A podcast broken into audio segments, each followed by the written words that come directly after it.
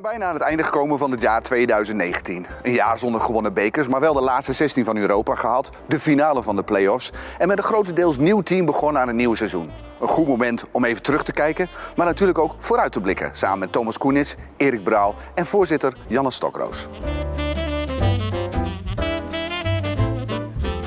Goed, de Dora TV kerstspecial van het jaar 2019. Zoals gezegd met Janne Stokroos, Erik Braal en Thomas Koenings. Laat ik beginnen met een uh, open vraag. Wat was jullie meest enerverende of indrukwekkende ervaring of moment van het jaar 2019? Jannes?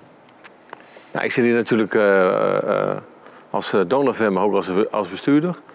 En waar ik van geniet is als je als bestuur een, een koers uitzet om iets te bereiken. En je dat dan ook zeg maar, langzamerhand ziet ontstaan. Dus mijn mooiste moment was eigenlijk uh, misschien wel heel verrassend. Dat de U21 uh, in de finale stond. Na tien jaar nooit in de finale hebben we weer gestaan. Uh, eigenlijk een resultaat van investeren in jeugd. goede coaches aanstellen. en na twee, drie jaar zie je dan uiteindelijk ook de resultaten ontstaan. En ja, daar ben ik dan heel trots op. Ja. Dat je zeg maar, zo'n beleid ziet, ziet gebeuren. En uiteindelijk nou, ook dit jaar weer U21, U18 uitstekend presteren. Zeker, zeker. Oké, dankjewel. Erik, jij? Uh, voor mij is wat persoonlijker. Uh, ik was dit jaar 20 jaar getrouwd. En, uh, Gefeliciteerd. Vond wel een bijzondere gebeurtenis. en, uitgebreid gevierd?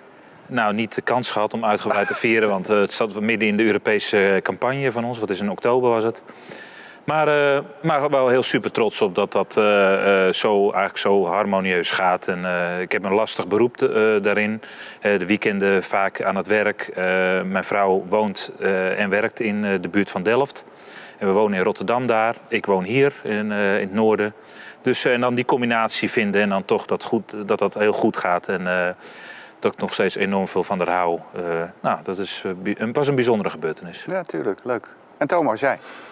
Uh, voor mij is het ook een persoonlijk. Uh, uh, ja, in 2019 is mijn zoon Jax geboren. En dat was ja, heel bijzonder. En heel erg mooi om mee te maken. Ja. Daar komen we straks nog wel even later op terug. We moeten natuurlijk even terugblikken. 2019, we wonnen geen prijzen. Wel de laatste 16 van Europa gehaald. Voor de zesde keer de finale. Leiden won de beker. Zwolle werd kampioen in deze arena. Wel een clean sweep tegen Leiden. Als we daar nou zo een half jaar na die tijd zijn, Erik, hoe kijk je er dan nog op, terug? Nou ja, als een uh, teleurstellend toen. Hè, uh, en, en tegelijkertijd ook wel gewoon um, ja, een wetmatigheid denk ik in sport. het is gewoon super lastig om elk jaar op een heel hoog niveau te spelen. En de, de, de wetmatigheid zit er dan vooral in is dat als je op een bepaalde hoogte staat, dat je steeds probeert om een hoger niveau aan te tikken, maar dat ook de teams onder jou proberen om jou in te halen. En uh, in dat geval denk ik ook, uh, vooral in die finale, we winnen die eerste. Hè, we hadden ontzettend goede wedstrijd, wedstrijden gespeeld tegen Leiden. Uh, met veel energie. Vervolgens zie je toch dat het in de finale heel lastig wordt. We hadden wat personele problemen.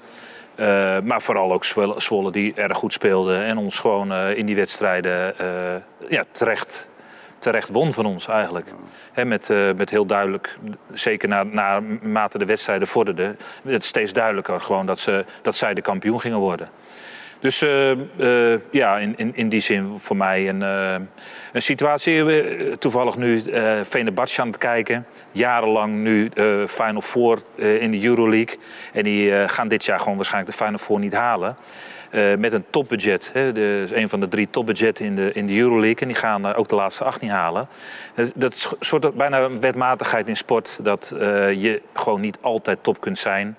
Maar wel dat ik denk dat je daarvan kan leren en dat je dat die periode zo kort mogelijk kan houden. En dat je moet proberen om nou ja, volgend jaar gewoon weer, of dit jaar, dit seizoen dus, die finales te spelen. Zodat je die kans weer hebt om te winnen. Thomas, hoe ga je dan de zomer in? Ik bedoel, ja, de, de laatste jaren zijn we een beetje gewend natuurlijk om uh, prijzen te winnen hier. En dan wordt notabene de tegenstander kampioen hier in Martini Plaza. En dan is het voor jullie vakantie. Of ja, zomer, de lange periode. Hoe ga je daar dan mee om? Ja, op dat moment is het natuurlijk... Uh gewoon heel teleurstellend. Want ja, je werkt een heel seizoen eigenlijk uh, om kampioen te worden. Uh, en dat wordt je uiteindelijk niet. Dus de, eerste weken is het gewoon echt bijkomen. Uh, heel zwaar seizoen geweest. ik was zelf nog ziek geworden in de finale. Dus ja, voor mij was de pijp ook gewoon echt helemaal leeg. en daarna is het gewoon weer opladen. Want ja, in de zomer is gewoon een mooie periode om eh, beter te worden, sterker te worden, weer fit te worden voor het volgende seizoen. Dus ja, het is een paar weken uh, uitrusten, een beetje uithuilen. En uh, daarna is weer vol gas op naar het nieuwe seizoen. Ja. En als het, wat me dan verbaast, Erik, misschien weet jij dat. Dan kijken we naar mannen als Arvin Slachter, Sean Cunningham, Lance Jeter, Teddy Gibson. Dat voor zover ik weet die nog steeds geen club hebben. Hoe verklaar je dat? Ja, ik denk dat er heel veel oorzaken zijn. Eén is natuurlijk gewoon dat, de, dat er vorig jaar nou ja, misschien niet uh, helemaal gespeeld hebben zoals, zoals uh, we, we, we, dachten, maar ook misschien anderen dachten. En dat daardoor uh, lastig is. Misschien ook wel wat een bepaalde nee, dat ze iets verwachten van een club of dat ze een bepaald niveau verwachten van een club. Ik weet, ik weet van Sean dat hij uh, druk bezig geweest is met clubs in Nederland. Maar als je de standaard uh, donar is en de standaard is een bepaald niveau te spelen en voor prijzen te winnen, uh, voor prijzen te spelen, dat misschien niet ja, dat een, een, een, club daaronder, en ik denk dat dat voor Teddy bijvoorbeeld ook geldt. Ik denk dat als Teddy zou willen spelen bij Den Helder, dat hij van harte welkom is. Maar ja, het gaat natuurlijk ook om wat de ambities van de speler zelf is. Ik denk dat dat eigenlijk voor, uh, voor, voor al die spelers geldt. Ik weet van Arvin het precies hetzelfde. Dat hij ook bezig geweest is met clubs in Nederland. Alleen ja, dat moet dan net passen. En die gaan dan iets anders kiezen of alsnog wachten op een club? Hoe, hoe werkt zoiets? Ja, ik denk dat dat voor, heel veel, voor elke speler verschillend is. Sommigen zullen denken dat het uh, goed is zo en die zullen maatschappelijke carrière meer gaan zoeken. Anderen zullen door blijven trainen en op zoek zijn naar de juiste fit. Kijk, voor spelers denk ik ook heel, heel belangrijk dat je de juiste, juiste fit voor jou, voor jou vindt. Hè? Zodat je ook een kans hebt om te laten zien wat je kan, maar tegelijkertijd ook uh, ja, in de goede situatie zit. En uh, nou ja, ik denk dat als je jongens eenmaal gewend zijn aan het niveau en het spel van, uh, van Donar en het, de kans op prijzen, het Europees spelen dan uh, dat is heel lastig om daarvan af te kicken. Dat kan, ik, uh, dat kan ik je zeggen. Ik kan nog even naar een andere speler die vooral in die periode, zeker aan het einde, heel erg opviel. Ringmast, 17 jaar. Eerst op de vier positie begonnen met Joby Wall. Daarna kwam rond de kerstperiode, dus nu een jaar geleden, Laurent Dandy. En toen koos je ervoor om vooral Rink uh, op die vier positie duidelijk te laten zien. Hoe kijk je daarop terug, de positie van, uh, en de plek en de prestaties van Rink? nou, dat was al het jaar daarvoor al begonnen eigenlijk. Het, uh, uh, vanaf januari het, jaar, seizoen daarvoor is hij eigenlijk bij de groep gekomen. En dat was ook wel een beetje gepland. Omdat, nou ja, echt jong, wij speelden veel Europees. We hadden eigenlijk een beetje het idee van, nou, we gaan tot, tot, zeker tot de kerst Europees spelen. Dus in die tijd gaat hij gewoon voorrang geven aan school. Uh, hij moest ook fysiek sterker worden. Dus we hebben, we hebben een heel traject eigenlijk voordat hij bij het eerste kwam, was al ingezet, ook bij de jeugd, om hem sterker te maken en om hem. Want hij trainde bijvoorbeeld wel mee met onze ochtendtrainingen, bij onze krachttrainingen, maar niet bij de teamtrainingen per se. En vervolgens is hij uh, het jaar erop erbij gekomen en langzamerhand steeds meer in de rotatie gekomen. En het moment eigenlijk dat ik dacht, we gaan, ik ga liever met zo'n speler de gang die graag wil, talent heeft slim is uh, en gewoon die kans verdient. Uh, dan dat ik met jongens aan de slag ga die misschien hier helemaal niet willen zijn. Of uh, nou ja, met, met, je lopen te land te vanteren. Dus uiteindelijk hebben we ervoor gekozen om, ja, om Rink eigenlijk gewoon die plek te geven die, die vakant was. En dat deed hij ontzettend En dat deed hij fantastisch. Maar het jaar daarvoor startte hij bijvoorbeeld ook al wedstrijden. Uh, net voor de play-offs begonnen. Ja. Dus we wisten wel wat hij kon. En, uh, maar dat hij het zo goed ingevuld heeft... en voor een jeugdspeler zo'n constant niveau heeft gehaald... dat was wel heel bijzonder. Nou, toen raakte hij geblesseerd. Dus nou een red shirt, zoals dat heet, uh, bij Bradley University in Amerika. En natuurlijk vroegen we even aan Rink zelf. Hoe gaat het nou eigenlijk met je? Met mij gaat het goed. Ik ben nou, het eerste semester ben ik net klaar en die is tot nu toe heel goed gegaan. Met met mijn knie gaat het best wel goed. En ik voel me hier op zich wel op mijn gemak. De eerste paar weken waren, het, waren wel lastig om uh, de veranderingen goed door te komen. Maar als je na een paar weken er doorheen bent, dan gaat het goed. En ik heb het tot nu toe hier heel erg naar mijn zin. Met mijn blessure, met mijn knie gaat het goed. Ik ben volop aan het revalideren, zo'n beetje elke dag kan ondertussen alweer wat rennen op een loopband en wat springoefeningen doen. En ik heb al wel het gevoel dat het steeds beter in de goede richting gaat. En hopelijk dat ik over twee maanden weer wat trainingsvormen kan doen zonder contact. En dan gewoon weer met het, met het team mee kan doen. Dat zou wel heel fijn zijn. Want tot nu toe ben ik de hele tijd aan de zijkant aan het trainen. Ik volg Donar nog best wel veel. Ik probeer elke wedstrijd waar ik tijd heb, probeer ik die te kijken. En de meeste, meeste wedstrijden lukt dat wel. En ik ik vind op zich dat het tot nu toe wel redelijk gaat met Dona. Maar het is natuurlijk jammer dat, dat, dat we uit Europa zijn uitgeschakeld. Ehm, ja, ik, ik probeer het zoveel mogelijk te volgen. Ook omdat ik die jongens natuurlijk nog steeds ken. En hopelijk dat het goed met ze gaat. En hopelijk dat we nu de beker begint en de play-offs er een... Nou ja, het is nog een tijdje naar de play-offs, maar we kunnen daar nu volledig op focussen. Dus hopelijk dat we daar goede en mooie resultaten kunnen zetten. Zodat dit seizoen een beetje meer succes is dan vorig seizoen. Rinkmas dus bij Bradley. Mooi om te zien hoe hij daar eh, echt een man aan het worden is. Thomas, als je daar zo naar kijkt, naar Rink. Alle echte grote kerel daar eh, bij Bradley. Wat, wat, wat denk je dan? Ehm, nou ja, om even terug te komen op net. ehm, dat hij het ook gewoon echt heeft afgedwongen om die eh, positie te krijgen. En ja, goed, het is nu vervelend dat hij geblesseerd is. Maar goed, eh, als je ziet hoe hij zich ontwikkeld heeft op het basisveld, maar ook op sociaal gebied. Eh, ja, hij was toch 16, komt hij met mannen in een team eh, van eh, 30 tot nou, 39 ongeveer. ja, dat is toch voor zo'n jongen is toch anders. En daar probeer je hem ook wel bij te helpen, dat hij zich op zijn gemak voelt en dat hij, ehm, ja, dat hij daar ook van leert. En je zag steeds meer dat hij daar vertrouwd mee raakte en comfortabel voelde. En eh, ja, ik vind het echt een geweldige ontwikkeling die hij heeft meegemaakt. En ik vind het altijd heel prettig om met hem te spelen. En dat wij een goede klik hadden op het veld. En eh, ja, gewoon een hele intelligente speler ook. Ja, Het is redelijk uniek hè, dat een speler zo op zo'n jonge leeftijd zo doorbreekt. Maar zit er een nieuwe Rink aan te komen, Erik? Niet op die positie. Maar andere... Het was wel een bijzondere positie. Ja, absoluut, ja. Maar... Ehm, nou, ik denk dat er eh, genoeg in de. eh, want ik denk wat eh, Jannes net zei, dat er eh, in de jeugd echt geïnvesteerd is in de afgelopen jaren. Eh, die trainen veel. eh, de hele constructie rondom RTC en, eh, en echt teams die bij Dona nu betrokken zijn. Dus dat we het onder 18 team en het onder 20 team nu in eigen, eh, onder onze eigen regie hebben. Ik denk dat dat enorm heeft geholpen in het eh, meer gericht eh, opleiden van spelers. En eh dus trainen een aantal jongens met ons mee en die, eh, die doen het hartstikke goed. Die gaan, eh, die gaan echt vooruit. Ehm, en eh, ja, dat heeft gewoon zijn tijd nodig. Kijken we even naar de nieuwe selectie voor dit seizoen. Er is natuurlijk een hoop eh, gewisseld. Stabiele krachten waren in ieder geval natuurlijk Shane met een nieuwe positie. Thomas voor het zevende seizoen.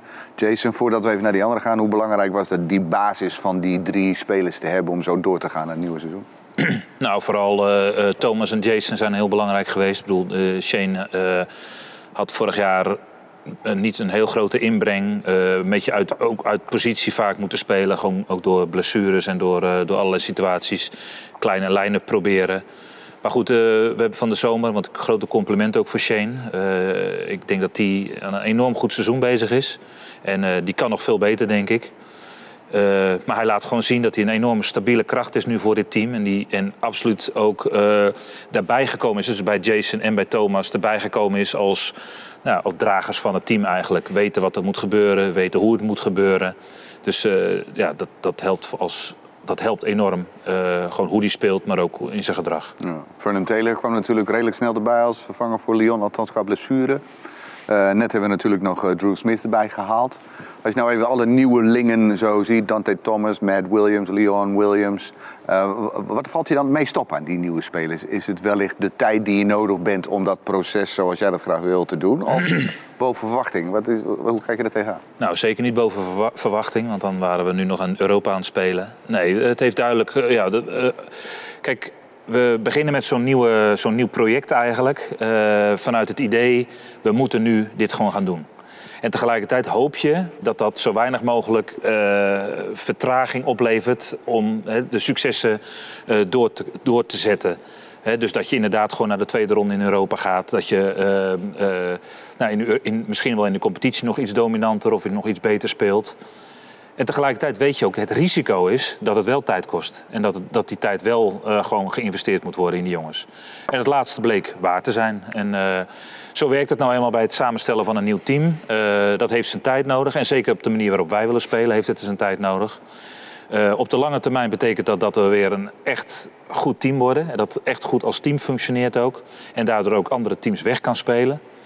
Maar soms ziet het er ook wel uit als een echte struggle. En, eh, en eh, zo voelt het ook. En zo ziet het er ook dan uit. Eh, want wat je zegt is helemaal terecht. Het heeft gewoon zijn tijd nodig. Kijken we ook nog even Europees, de BCL. De Champions League net niet gehaald door Benfica. Vervolgens de tweede poolfase niet gehaald van de FIBA Europe Cup. Overigens laten we vooral niet vergeten dat we de afgelopen jaren dat wel haalden. Soms ook een beetje met de hak over de sloot. Nou, nu dan even net niet. Ja, ja. Maar even die ervaring, Europees, hoe kijk je daar nu naar? Nou, dat we eh, achteraf gezien in een best lastige pool zaten. Hè, ehm, dus dat we ook daarin niet, eh, niet het geluk hadden of zo. Eh, misschien moet je dat dan af en toe zeggen. En dat we dus als team verder hadden moeten zijn, of meer ervaren hadden moeten zijn om, om dit te overleven. Hè, als ik nu kijk naar Charleroi, die had ook al een beetje een shaky start. Winnen vervolgens wel thuis van Cassiaka. En winnen wel in de competitie eh, doen ze het helemaal niet zo goed, maar winnen wel uit in Oostende en uit in Antwerpen. En zijn door, schakelen Oostende uit in de beker, wat toch een, een eh, nou, zeer gerenommeerd team is in, eh, in België. Dus dat geeft ook wel aan, gewoon, er zat heel veel kwaliteit in onze pool. En die, nou ja, dat is een beetje mazzel hebben met de loting eigenlijk, denk ik. dat je, dat je nou, daar wat, wat, wat makkelijkere tegenstanders hebt om het wel te overleven. En dan, laten we zeggen, in het toernooi te groeien. Of in die, in die FIBA Europe Cup te groeien. Eh, maar ja, goed, ook, ook daar geldt weer voor ehm, een soort wetmatigheid. We hebben de, de, mijn eh, tweede seizoen dat ik hier coachte... was het historisch gezien voor het eerst dat we de tweede ronde haalden. Vervolgens haalden we dat drie keer op rij. Nou ja, dat dat een keertje dan niet gebeurt. Dat kan ook. Precies. Als we even kijken naar de algemene stand van de club, de stand van zaken, Jannes. Ongeveer rond de 250 sponsoren die nou in de club verbonden zijn. 1750 seizoenkaarthouders. Hoe, Ja. sta- hoe staan we ervoor? Ja, nou, ik, ik kijk eh, naar zeg maar, wat we presteren op het veld en of we prijzen winnen of niet. Vooral eh, of we in een fase zitten van ontwikkeling eh, naar boven toe. En dat, je moet af en toe, vind ik, relativeren om te kijken van heeft een succes nu als het ware een, eh, een, een aanvulling op je beleid of eh, laat je leiden door eh, een uitschakeling eh, in Europa. Waar ik als fan natuurlijk ook eh, eh, teleurgesteld over ben. Maar het is voor, mij een onderdeel van een proces waar we met eh, de club en met een team eh, heen gaan. En daar kijk ik ervan naar. En als je dan kijkt de afgelopen eh, drie, vier jaar dat ik eh, in het bestuur zit, en het ligt niet aan mij, maar wel als het ware de ingezette koers. Dan zie je dat we elk jaar gewoon als het ware in alle facetten groeien. Zowel qua organisatie, qua begroting groeien we elk jaar met 100 tot 150.000 euro. En we zien nog steeds als bestuur eh, voldoende potentie om verder te groeien. Ja. En ja, dan worden we als wat smalend in Nederland gaan over onze ambitie. En als we dan roepen van we hebben de ambitie om Champions League te halen. En we het niet halen, eh, heb je gelijk als ware zo'n beetje eh, het hakbijl op je, op je nek staan in, in Nederland. eh, van te grote woorden, te grote ambities, onhaalbaar enzovoort. Nou, daar la- laten wij ons niet door leiden. Ik je moet, vind ik, de ambitie houden om zeg maar, te groeien. Anders moet je, denk ik, geen bestuurder willen zijn van een, een topclub. En eh, daar zijn wij vooral mee bezig. En ik denk nog steeds dat wij eh, kunnen groeien in, eh in vele verzetten, maar ook in de begroting. We zaten vooraf er al even over te praten. Als je, is het een moeilijke markt qua sponsoring? Topsport, die KFC Groningen heeft er natuurlijk nodig. Lycurgus, Donar en nog vele meer clubs. Is, het- is het een moeilijke markt? Ja, als je kijkt gewoon in Nederland, eh, zie je dat eh, het totaalbudget wat het bedrijfsleven besteedt aan topsport eh, elk jaar eh, afneemt. Je ziet een eh, verschuiving naar maatschappelijke onderwerpen waar we voor kiest. Ja, ik kijk ook vooral een beetje naar onze eigen club. Ik denk dat wij ons toch nog steeds onderscheiden in Nederland qua basketbal. Maar ook als je kijkt even hier naar de stad. Ik bedoel, wij zijn een, club die nog steeds groeiende is. Ik sprak ook andere topclubs vorige week hier in de stad. Ja, en die hebben eigenlijk ook een beetje te maken met die dalende lijn. En eh, ja, de, de kunst is dat je een product neerzet... eh, wat als het ware eh, een aanzuigende werking heeft waar mensen bij willen horen. Over dat product gesproken, kijken we vorig jaar, want daar kunnen we het zien hoeveel bezoekers wij Ja. elke wedstrijd hier trekken. Meer dan 3500, 3530 om precies te zijn. Een absoluut record ook weer hier Ja. in Groningen. Het is nu natuurlijk dit seizoen iets lager, maar dat komt wel weer straks naar de, de tweede helft van het seizoen en de play-offs. Maar hoe verklaar je dat? Dat wij nog steeds zo enorm veel mensen naar Donau toe trekken? Ja, ik, eh, ik denk het, het gaat om het geheel. Dat probeer ik elke keer eh, te zeggen. Natuurlijk komt men hier voor de wedstrijd. Maar het begint ook met maar, hoe word je ontvangen in Martini Plaza? Wat is de sfeer voorafgaand aan de wedstrijd? Wat zijn de faciliteiten? Hoe bedien je het publiek? Hoe vermaak je het publiek met de cheerleaders, met zeg maar, de supportersvereniging, ex op het veld, rondom het veld, parachute time? Eh, ja, het is, het is echt bij ons een avondje uit. En een avondje uit ga je anders mee om als dat je sec naar een wedstrijd toe gaat. Ja. En dat proberen we vooral als haar neer te zetten. En daarna helpt het ook enorm dat het een spectaculaire sport is om naar te kijken. Nee, dat sowieso. Ik bedoel, eh, Ik, ik kom uit het voetbal, om het zo maar te zeggen. Maar eh, ik zie ondertussen dat de keeper zo, eh, het meeste aantal balcontacten heeft. Eh, en dat kan betekenen dat of je speelt tegen Barcelona of je speelt als het ware vanuit de verdediging. Dus ja, daar heeft het ook zeker mee te maken. Ja. De, de, de, de evolutie die basketbal heeft doorgemaakt. Hockey is ook zo'n voorbeeld ervan. Hebben ze alleen maar geprobeerd om snelheid in het spel te krijgen. Ja, ik vind dat moet- zou in de voetbal ook moeten. Ja. Eh, het publiek komt voor spektakel. schotklok. Ja. Ja. Schotklok. Ja, dat, dat Ja. zou een idee kunnen zijn. Ja. Ja. Oh ja, dat is een Nee, als je bij idee. handbal zo heen, heel snel heen en weer kan, dan zou het bij voetbal ook moeten kunnen. Maar dat is een van de grote voordelen van basketbal, vind ik. Die dynamiek die erin zit, de Ja. snelheid. En er gebeurt altijd wat spektakel. Ja, klopt, Hartstikke leuk. klopt. Even naar Thomas, kom zo bij je terug Ja. overigens. Eh, zevende seizoen nou in, Gro- in Groningen bij Donen. Hoe gaat het met je? Ja, goed. Ik heb, eh, ik heb die goed naar mijn zin. Eh, ja, goed. eh, ik, ik ken de stad inmiddels eh, heel goed. Op je En, duimpje. ja, en eh, natuurlijk hier in uh, Bettini Plaza. En eh, ja, een groot gedeelte van mijn carrière hier doorgebracht. Dus, Heb je dingen zien veranderen in die zeven jaar? Ehm, ja, zeker. Ehm, ik denk dat het, nou ja, wat Jannes net zegt, dat de organisatie zeker ook echt een groei heeft gemaakt. Ehm, ik heb ook hier gespeeld toen het wat minder ging. En eh, de, de hoofdsponsor stopte ermee. En ehm, ja, goed, vanuit daar is toch weer de organisatie weer opnieuw opgebouwd. En ja, uiteindelijk, Dona doet altijd mee voor de prijzen. Eh, blijft het topteam. Dus in die zin eh, blijft het wel gewoon bovenin meespelen. Maar goed, de afgelopen jaren is het natuurlijk wel ook met een vaste spelersgroep. eh, vaste kern voor Nederlanders. ehm, ook veel ja, resultaten bereikt. En, en dat is ook wel, ik denk, een ander beleid dan eh, misschien wat daarvoor was. Ehm, dat ze gewoon met vaste, vaste spelers willen doorgroeien. En dat- dan zie je wat, eh, wat voor resultaten oplevert. Grote ambities. Ja, daarom, ambities. En, eh, ja. Maar goed, is ook een, eh, ja, moet je wel een meerjarenplan hebben. Ook sportief gezien. eh, Je zei het al even in de introductie. Je bent vader geworden dit jaar. ja. Zoon Jax. ja, Hoe is dat te combineren, de, de vaderrol en eh, topsporter? heel goed eigenlijk. Ehm, eigenlijk eh, in de zomer was het heel, eh, heel lekker dat ik eh, natuurlijk drie maanden vrij was. In die zin. Natuurlijk wel met trainen, maar dat is meer voor jezelf. En dat je daar veel tijd aan kan besteden.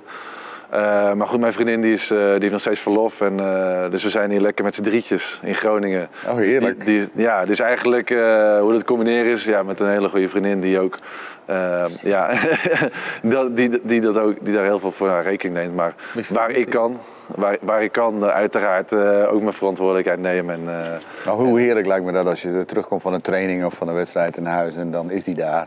ja, ja, hartstikke leuk, want je komt binnen en begint meteen te lachen nu en dan gaan we het even gek doen.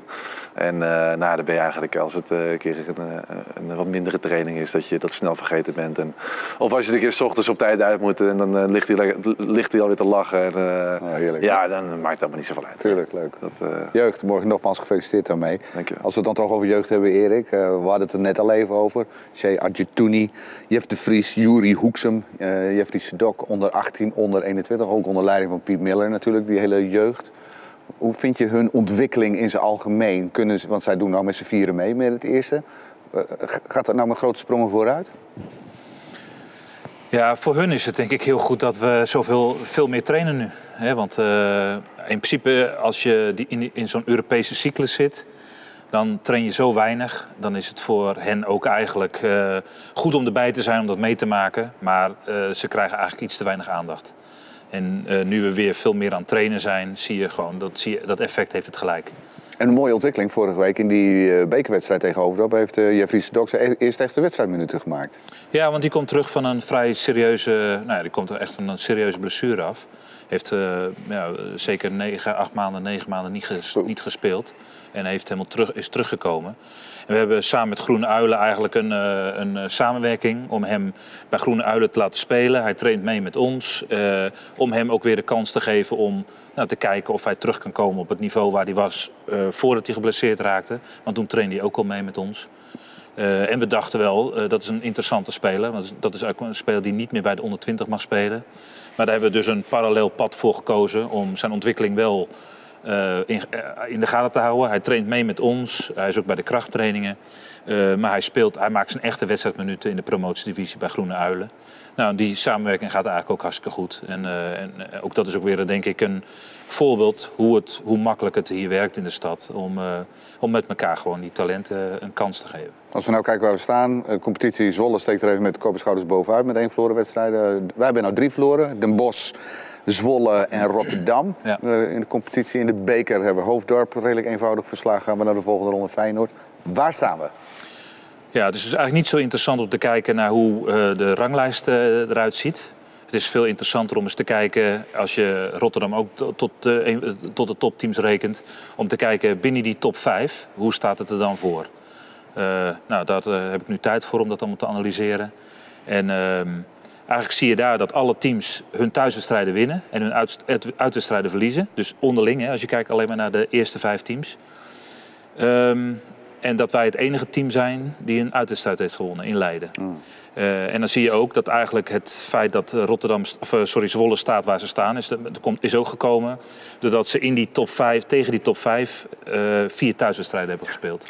Dus zij hebben in die zin een iets andere loting of een ander wedstrijdschema dan de andere teams hebben.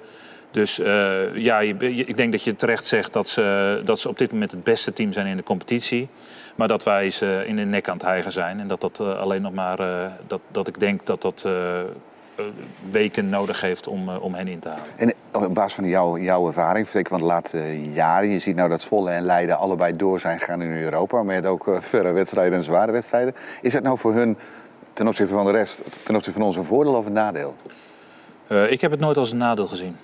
Want je blijft lekker ballen en wedstrijden spelen. Ja, maar ook omdat je tegen een heel goed niveau speelt. En er, is- er zit toch ook wel een bepaalde, eh, ook voor de spelers, een bepaald comfort in. Niet te veel trainen, heel gericht te trainen. Hè, want, want je hebt zo weinig tijd dat alles wat je doet is eh, helemaal gericht op de volgende tegenstander. Helemaal gericht op, eh, ja super, wat heeft het team nu nodig? Helemaal niet... eh, en eh, het moment dat je meer tijd eh, hebt eh, met trainen, wat we nu eigenlijk hebben, dan zie je ook dat nou ja, je kan veel meer uitweiden. Je kan ook meer in detail gaan. Wat in dit geval voor ons team heel goed is.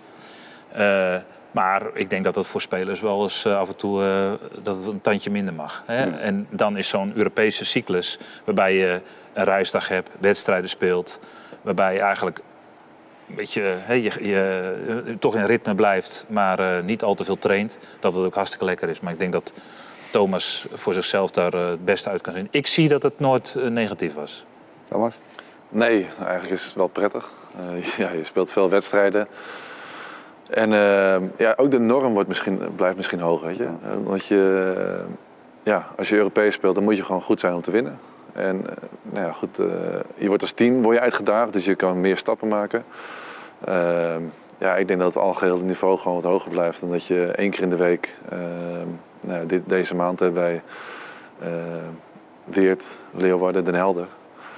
Uh, dus ja, dat zijn, ja, dat zijn andere, type, andere wedstrijden. Ja, ja dat is een Dus, understatement. uh, ja. en, dus ja. Uh, natuurlijk moeten we ook even kijken naar jouw assistent, Meijnert van Veen. Hij heeft natuurlijk eerder al voor Donor TV zelf aangegeven dat hij ziek is en ook uh, ernstig ziek is. Dus we vroegen Meijnert zelf even. Meijnert, hoe gaat het nu met je? Uh, beter nu. Ik heb er zes kuren op zitten. Dat was de laatste kuur, is twee weken geleden geweest. Dus vanaf nu ja, moet alles uh, beter herstellen. Dus alle bijwerkingen van de chemo en uh, medicatie, dat moet allemaal minder worden. Ik ben toevallig uh, net in het ziekenhuis geweest en zo. En het ziet er goed uit. En ik moet zeggen dat ik enorm veel steun gehad heb. Vanuit de organisatie, vanuit supporters, van iedereen in het basketbalwereldje. Dat helpt. Het is natuurlijk vreselijk om zoiets mee te maken, maar hoe ga je daarmee om? Ja, accepteren eigenlijk. Je er niet te veel tegen verzetten. En die kuren ondergaan en proberen eruit te halen wat erin, uh, ja, wat erin zit en zo. Dus ik ben uh, wel minder naar Groningen toe geweest de afgelopen maanden. Veel thuis gewerkt, veel overleg met Erik. Maar wel bij alle wedstrijden geweest en bij belangrijke trainingen. Donor is ook wel een uh, prettige afleiding, zou ik me kunnen voorstellen. Hartstikke. Als je dat niet zou hebben, dan zit je alleen maar thuis uh, te piekeren. En ik heb soms het idee dat die kanker meer in je hoofd zit dan in je lichaam. Dus dit is een fantastische afleiding. En het is een leuke ploeg om mee te werken. En het is een goede organisatie. Dus ik ben daar heel tevreden mee.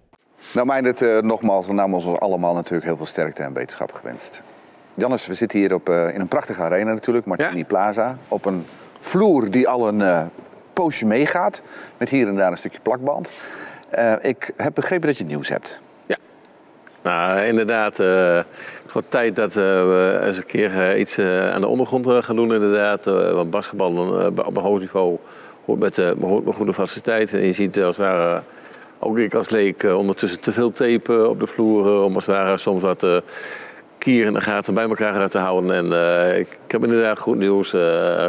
Ik heb eh, vernomen van Martini Plaza dat de vloer eh, ondertussen gearriveerd is. Eh, de maand januari wordt de vloer gelakt en worden de uitingen op de vloer aangebracht. En zo rond het eerste weekend van februari kunnen wij met trots zeggen dat wij ook een prachtige nieuwe vloer hebben die we jarenlang mee kan. Oh, top. Ja. Even voor, voor Thomas, vooral, hoe reageer je daarop? Is, was het echt zo nodig? Merk je dat, de, de vloer? Ja, de vloer is wel wat verouderd.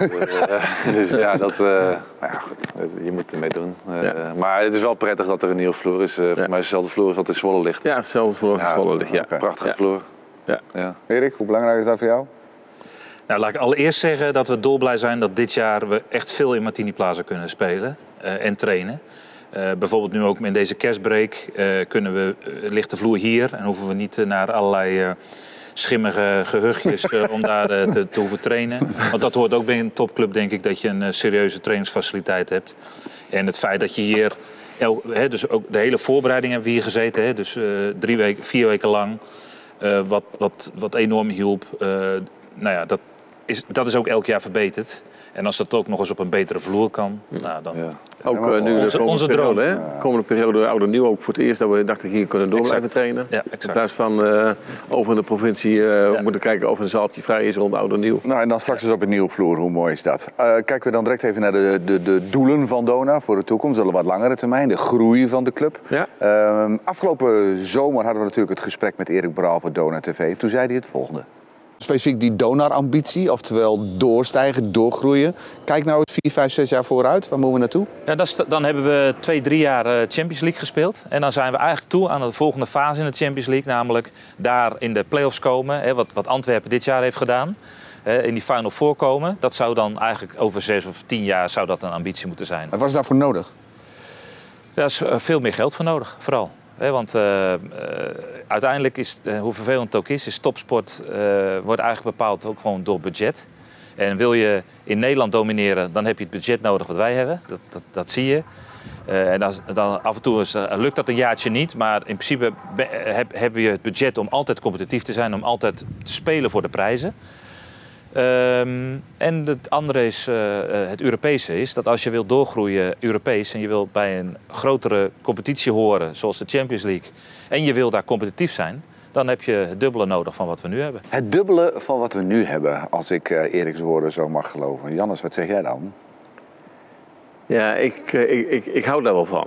Omdat eh, eh, als je niet als het ware een goede stip op de horizon is, dan heb je ook als het ware niet de ultieme drijf om het te bereiken.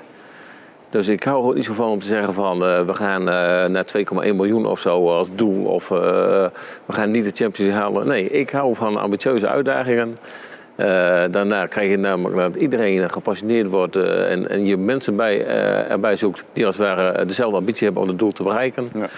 En eh, ja, of het dubbele wordt, ik denk dat het dubbele een beetje eh, eh, misschien wel te uitdagend is, laat ik het zo voorzichtig zeggen. Maar we zijn dus duidelijk bezig met een nieuw visiedocument en we zijn daar ook heel helder in. We willen over vijf jaar naar ge- getallen van 2,5 eh, miljoen tot over 10 jaar naar 3 miljoen. Om als het ware die droom die we met z'n allen hebben te proberen te bereiken. Maar het feit is wel dat je moet daar heel hard aan trekken om die sponsoring op dat hogere niveau binnen te krijgen, neem ik aan. Ja, maar eh, als je bezig bent met zo'n club als, als Donar, eh, dan, eh, dan merk je gewoon dat eh, dat geeft energie. Eh tijdstikken in de club vindt helemaal niemand erg. Je, je merkt gewoon de, de, de drive is aanwezig. En ja, eh, ik zeg altijd van, eh, ja, ik besteed veel tijd aan Donar. Ik zit gewoon iets minder uurtjes voor de tv. En hoe erg is dat, denk ik dan altijd maar. Ik leuk- ben eh, gewoon met leuke dingen bezig, die geven mij energie. Die kosten mij geen energie. En als ik s'avonds naar bed ga, dan denk ik van... God, leuke dag gehad, mooi werk geven, mooie hobby. En ja, lekker om gewoon weer de volgende dag op te staan. Zo is dat. En dat hebben we allemaal, gelukkig. Thomas, ehm, dit jaar voor het eerst aanvoerder. Eh, Jason is natuurlijk jarig geweest, jij bent dit jaar de aanvoerder. Wat betekent dat in de praktijk? Wat moet je doen als aanvoerder? Eh, nou, ik denk ten eerste het goede voorbeeld geven. Dus ja, dat, eh, kijk, uiteindelijk gaat het om eh, eh, ja, ook een beetje het bewaken van de, de, de, clubculturen die we hier hebben. Hoe gaan we met elkaar om en dat soort dingen. We hebben natuurlijk een vrij nieuw team, dus ja, hoe gaan we hier met elkaar om? Hoe, als we aan tafel zitten, dan gaan de petjes af, niet op je telefoon. maar goed, het is ook een, schakel tussen de, de, de groep en de coach. Zeker als het... Dit jaar is het ook af en toe wat minder gegaan natuurlijk. En dan speelt er soms wat in de groep en dan, ja, dan hebben we het met elkaar over. En dan heb ik het daarna met Erik over. Kijken hoe we daar samen beter uit kunnen komen. Oké, wat wou ik net zeggen, want er zijn ook wel eens moeilijke momenten. Zeker dit jaar hebben we die natuurlijk ook wel gezien. Als je net even verliest of eh, zoals Europees. Hoe, ga je daar, hoe ga je daar zelf mee om, maar dan ook als aanvoerder? Eh, Spreek jij dan de groep toe? Nou ja, ehm, ja, en, maar deel is ook van wat komt er uit de groep. Weet je, het is Ja. niet eh, één richting. Het is, het, we moeten het samen doen. En ehm, eh, daar heeft iedereen een eigen eh, idee over vaak. En, en daar moeten we samen uitkomen. En ehm, ja, dus we hebben af en toe ook wel wat, wat meetings met de spelers alleen. Wat- Zonder wat- coach? Ja, wat, wat leveren in de groep. Ehm, eh, maar goed, het, is, ja, het is wel leuk. Het is, Jannes had het net over ambities eh, trouwens, eh, maar dan meer voor de 4, 5, 6 jaar. Je zit hier nu zeven jaar, hoe zit dat met jouw eigen ambities en jouw eigen toekomst? nou, mijn eigen ambities eh, liggen eigenlijk wel in Groningen. Joh. Ja, ja. Nou ja, ik heb onlangs voor twee jaar bijgetekend bij, bij Donar. Oh, echt? Dus daar ben ik ontzettend blij mee en trots op. Dat ik hier nog twee jaar mag blijven, kan blijven. Dus na het komende seizoen blijf je sowieso nog twee seizoenen bij Donar. Ja, dat klopt. Van harte gefeliciteerd. Ja, leuk, leuk, mooi. Ja. Dus dat betekent dat de basis voor volgend seizoen ben jij dan Leon, Shane en jij. ja, Dan weten we dat we die drie spelers al hebben. drie Nederlandse spelers. Drie Nederlandse spelers. Homegrown spelers.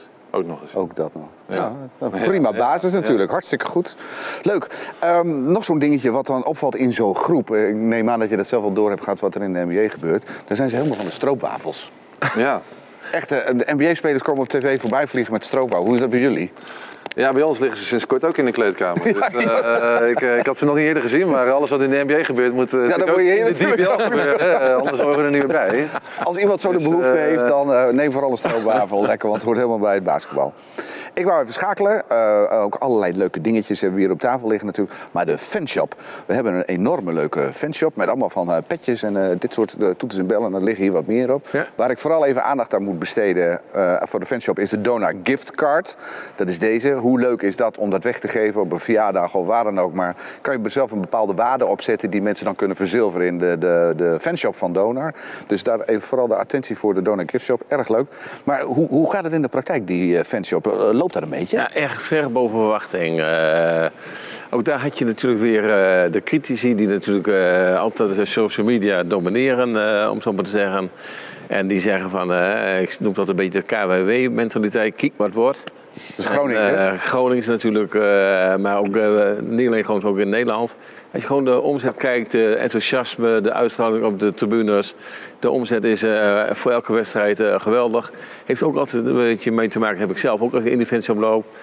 Ja, de impulsaankoop heb je ook heel veel. Dus dan zie je toch weer een nieuw, uh, nieuw item liggen. En dan denk je, ja, ook leuk en uh, goed te gebruiken. Ook nog Donor-logo mooi op. Dus uh, ja, het kooppatroon neemt, neemt flink toe, om het zo maar te zeggen. En als we dan nog binnenkort de lucht in gaan met de webshop. Maar we hebben ook vele fans, niet alleen hier in de, deze streek van Noord-Nederland, maar ook in de rest van Nederland en zelfs in de rest van de wereld. Vele nog Groningers donorkijkers op de livestreams enzovoort... die dan nog via de webshop ook als ware over zee kunnen bestellen. Of uh, andere delen van Europa. Ja, echt groot succes. Ja, top. Erik, ik neem aan dat je alle producten ook al gekocht hebt. Uh, nee, ik ben niet uh, een heel. Uh, ik ben er helemaal niet. We hebben een regel dat je, dat je geen spullen van de fanshop in het team aan mag. Dus de tijd dat het. Thuis, gewoon lekker thuis, thuis een sweater ja. of zo. Of een, een sleutelhanger van Thomas. ik heb een sleutelhanger van Minded. dus nee, ik, heb, ik, heb, ik, ik, loop er af en toe rond en het, is, het ziet er natuurlijk schitterend uit. Ik heb toevallig gisteren het volleybalteam van, van Lycurgus was, moest hier tegen een Hongaars team. Vorige week, maar detail. Vorige week. en, uh, en de manager, assistentcoach daarvan, uh, die, die werd ook gesponsord door, uh, door Macron. en die vroeg mij van hoe werkt dat met de fanshop hier? Want die had dat wel gezien, maar het was dicht. Dus die heeft mij Althans, ik heb hem daar voor de ruit eh, staan vertellen. En die heeft daar foto's van lopen maken, omdat Oh. hij het zo indrukwekkend vond eh, hoe dat eruit zag.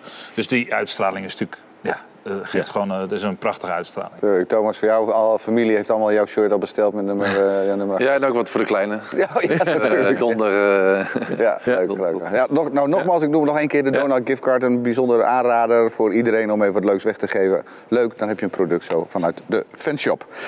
Nog even naar de competitie. Eh, negen ploegen hebben we nu in de competitie. Vorig jaar viel Dordrecht eruit natuurlijk, de ploeg van Geert Hamming. Negen. Hoe zien we die toekomst? Hebben we het idee dat daar binnenkort 10, 11, 12 in de competitie komen? Of blijven we voorlopig zo? Hoe kijk jij er tegenaan? Ja, ik zit natuurlijk eh, in het bestuur van de Dutch Basketball League eh, samen met, eh, met Gert-Jan. En eh, waar we vooral de afgelopen jaren mee bezig zijn geweest om als het ware de normen omhoog te krijgen. Eh, omdat zeg maar, uiteindelijk gaat, gaat het om een product eh, wat je eh, neerzet. En eh, op een slecht product komen er geen mensen op een goed product wel. Dus we hebben vooral gewerkt aan, waarbij dacht ik de eerste waren in 2018 op de nieuwjaarsreceptie, ik kan me goed herinneren. Wij streven naar de FIBA-norm als zeg maar, de norm ook voor de DBL. Dat gaf natuurlijk veel discussie in Nederland, want dat betekent nogal voor heel veel clubs wat. Uiteindelijk hebben we na een aantal maanden toch besloten binnen de DBL om als het ware daarvoor te gaan. En eh, dat betekent zeg maar, dat je eh, aan faciliteiten, maar ook aan begroting en ook gedekte begroting, zodat als het ware je niet, zoals Dordrecht, eh eh, op twee derde van het seizoen eh, moet afhaken, wat dramatisch is voor, voor binnen, sport. Ja. Moet afhaken omdat zeg maar, eh, de middelen en de mensen niet meer kunnen worden betaald. Ja, de- de- we, hebben ervoor gekozen om meer, meer zekerheid en meer eh, eh, normen eh, in te bouwen. Ja, dat leidt af en toe tot wat, eh, wat streng zijn, maar het is wel onderdeel van het proces. Beter voor de competitie. Beter voor de competitie, maar dat betekent ook als het ware dat zeg maar, clubs die willen toetreden, zullen als het ware een eh, goede organisatie moeten hebben met een voldoende budget om als het ware aan zo'n competitie eh, eh, te kunnen starten. Dus je kunt zeggen, de stap is wat groter geworden. Maar tegelijkertijd neemt de betrouwbaarheid toe. En uiteindelijk vind ik gaat het om, de kwaliteit en betrouwbaarheid van, van de teams die meedoen aan de, aan de competitie. Erik, zou je liever meer hebben dan negen?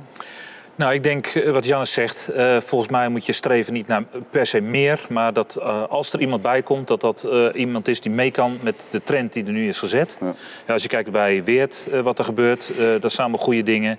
Bij Amsterdam, daar zie je aan de zaal en hoe, hoe het aangekleed wordt, dat daar wordt geïnvesteerd.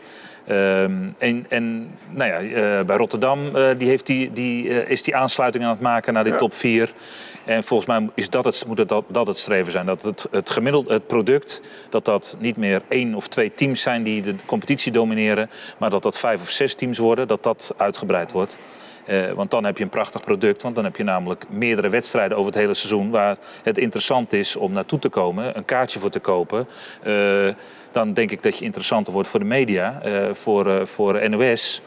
Dus het gaat volgens mij meer om dat we eh, het product wat we hebben beter maken. En als daar teams bij aansluiten of nieuwe teams bij aansluiten die die norm, en volgens mij is die norm heel belangrijk, eh, kunnen, he- kunnen als die die norm hebben of kunnen, kunnen eh, nastreven, dan is dat oké om toe te treden. Maar als dat er eentje is alleen maar om er 10 of 11 of 12 van te maken, dan moet je hem niet willen. Ik zit me net te bedenken terwijl ik naar jou luisterde. Thomas vertelde net voor zijn toekomst. Twee jaar extra bijgetekend bij de. Ja. Eh, volgens mij loopt jouw contract af dit seizoen. Zeker. Hoe ziet jouw toekomst er eigenlijk uit? Nou, dat is een beetje een grote vraag. Want eh de vraag, de, maar ik neem aan dat mijn toekomst bij Donar, wat je bedoelt. Ja, dat eh, bedoel ik. Ja. Nou, de, ik heb toevallig eh, ehm, recent met Martin de Vries, die daar eigenlijk over gaat, afgesproken dat we eind januari, zo'n beetje in de interlandbreek, wat is het, half februari, dat we samen gaan zitten om eens te kijken eh, eh, wat, bij de, wat de plannen van de club zijn. De plannen van mij zijn een beetje te evalueren hoe het is gegaan en wat er eventueel voor een toekomst zit. Dus eh, dat is eigenlijk nog helemaal open. We wachten dat dus even rustig af. Ja. 2020 komt eraan. Wat verwachten we van 2020? Nou, ik verwacht dat we twee finales gaan spelen. Ah, Ja. Ik denk dat wij eh, afgelopen maanden eh, met eh, een tweetal eh, spelerswijzigingen ondertussen een, groep hebben. Maar ik zeg het even als bestuurder, niet als expert, die competitief kan zijn voor me met elk team in de DBL. En ik denk ook dat wij een groeiproces doormaken en af en toe nog, ja, misschien soms diep dal hebben. maar dat is denk ik onderdeel van, van elk proces. En ik ben net als Erik optimistisch over zeg maar, de potentie die in deze groep zit. En ja, Ik denk dat wij gewoon twee finales gaan spelen. Twee finales spelen, Thomas.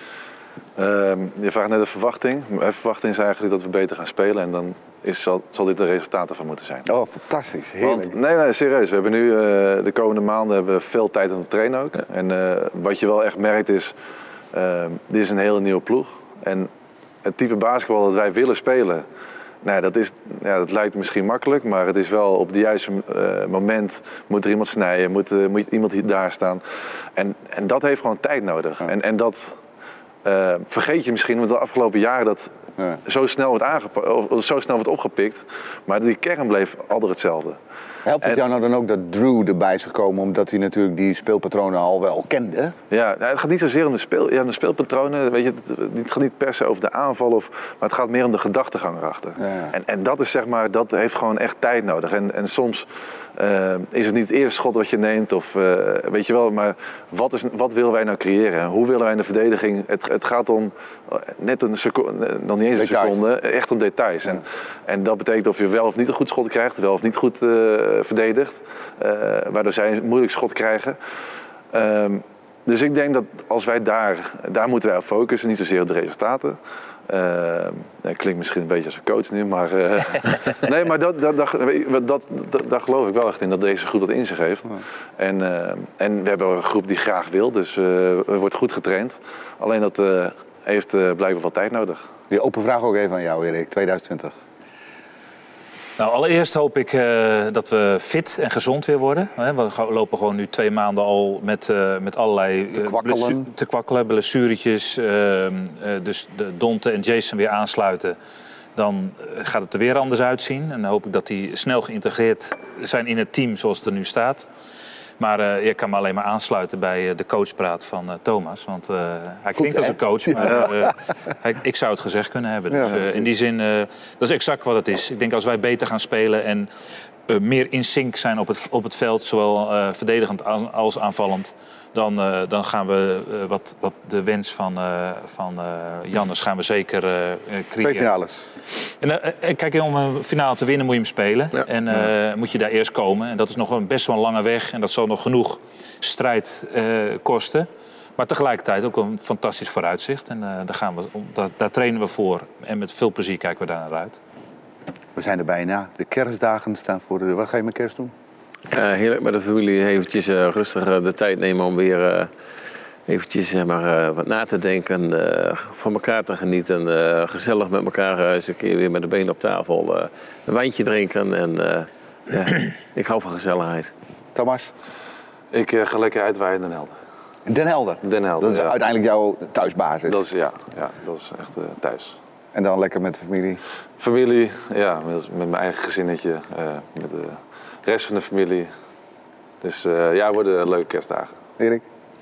Ja, ook eh, kerstdagen bij eh, de ouders eh, van eh, beide kanten. Hè. Dus eh, traditiegetrouw eerste en tweede kerstdag splitten we.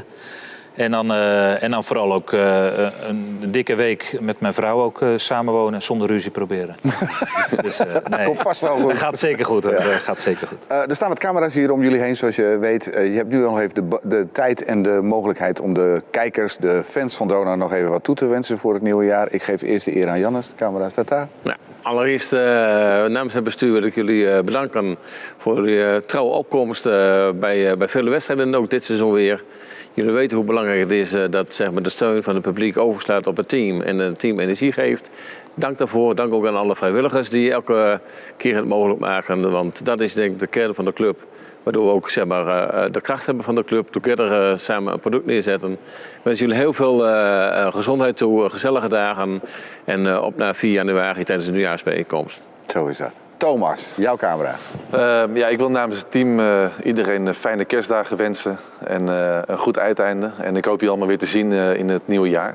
En ja, bij zoveel mogelijk wedstrijden, uit of thuis, maakt niet uit. Erik.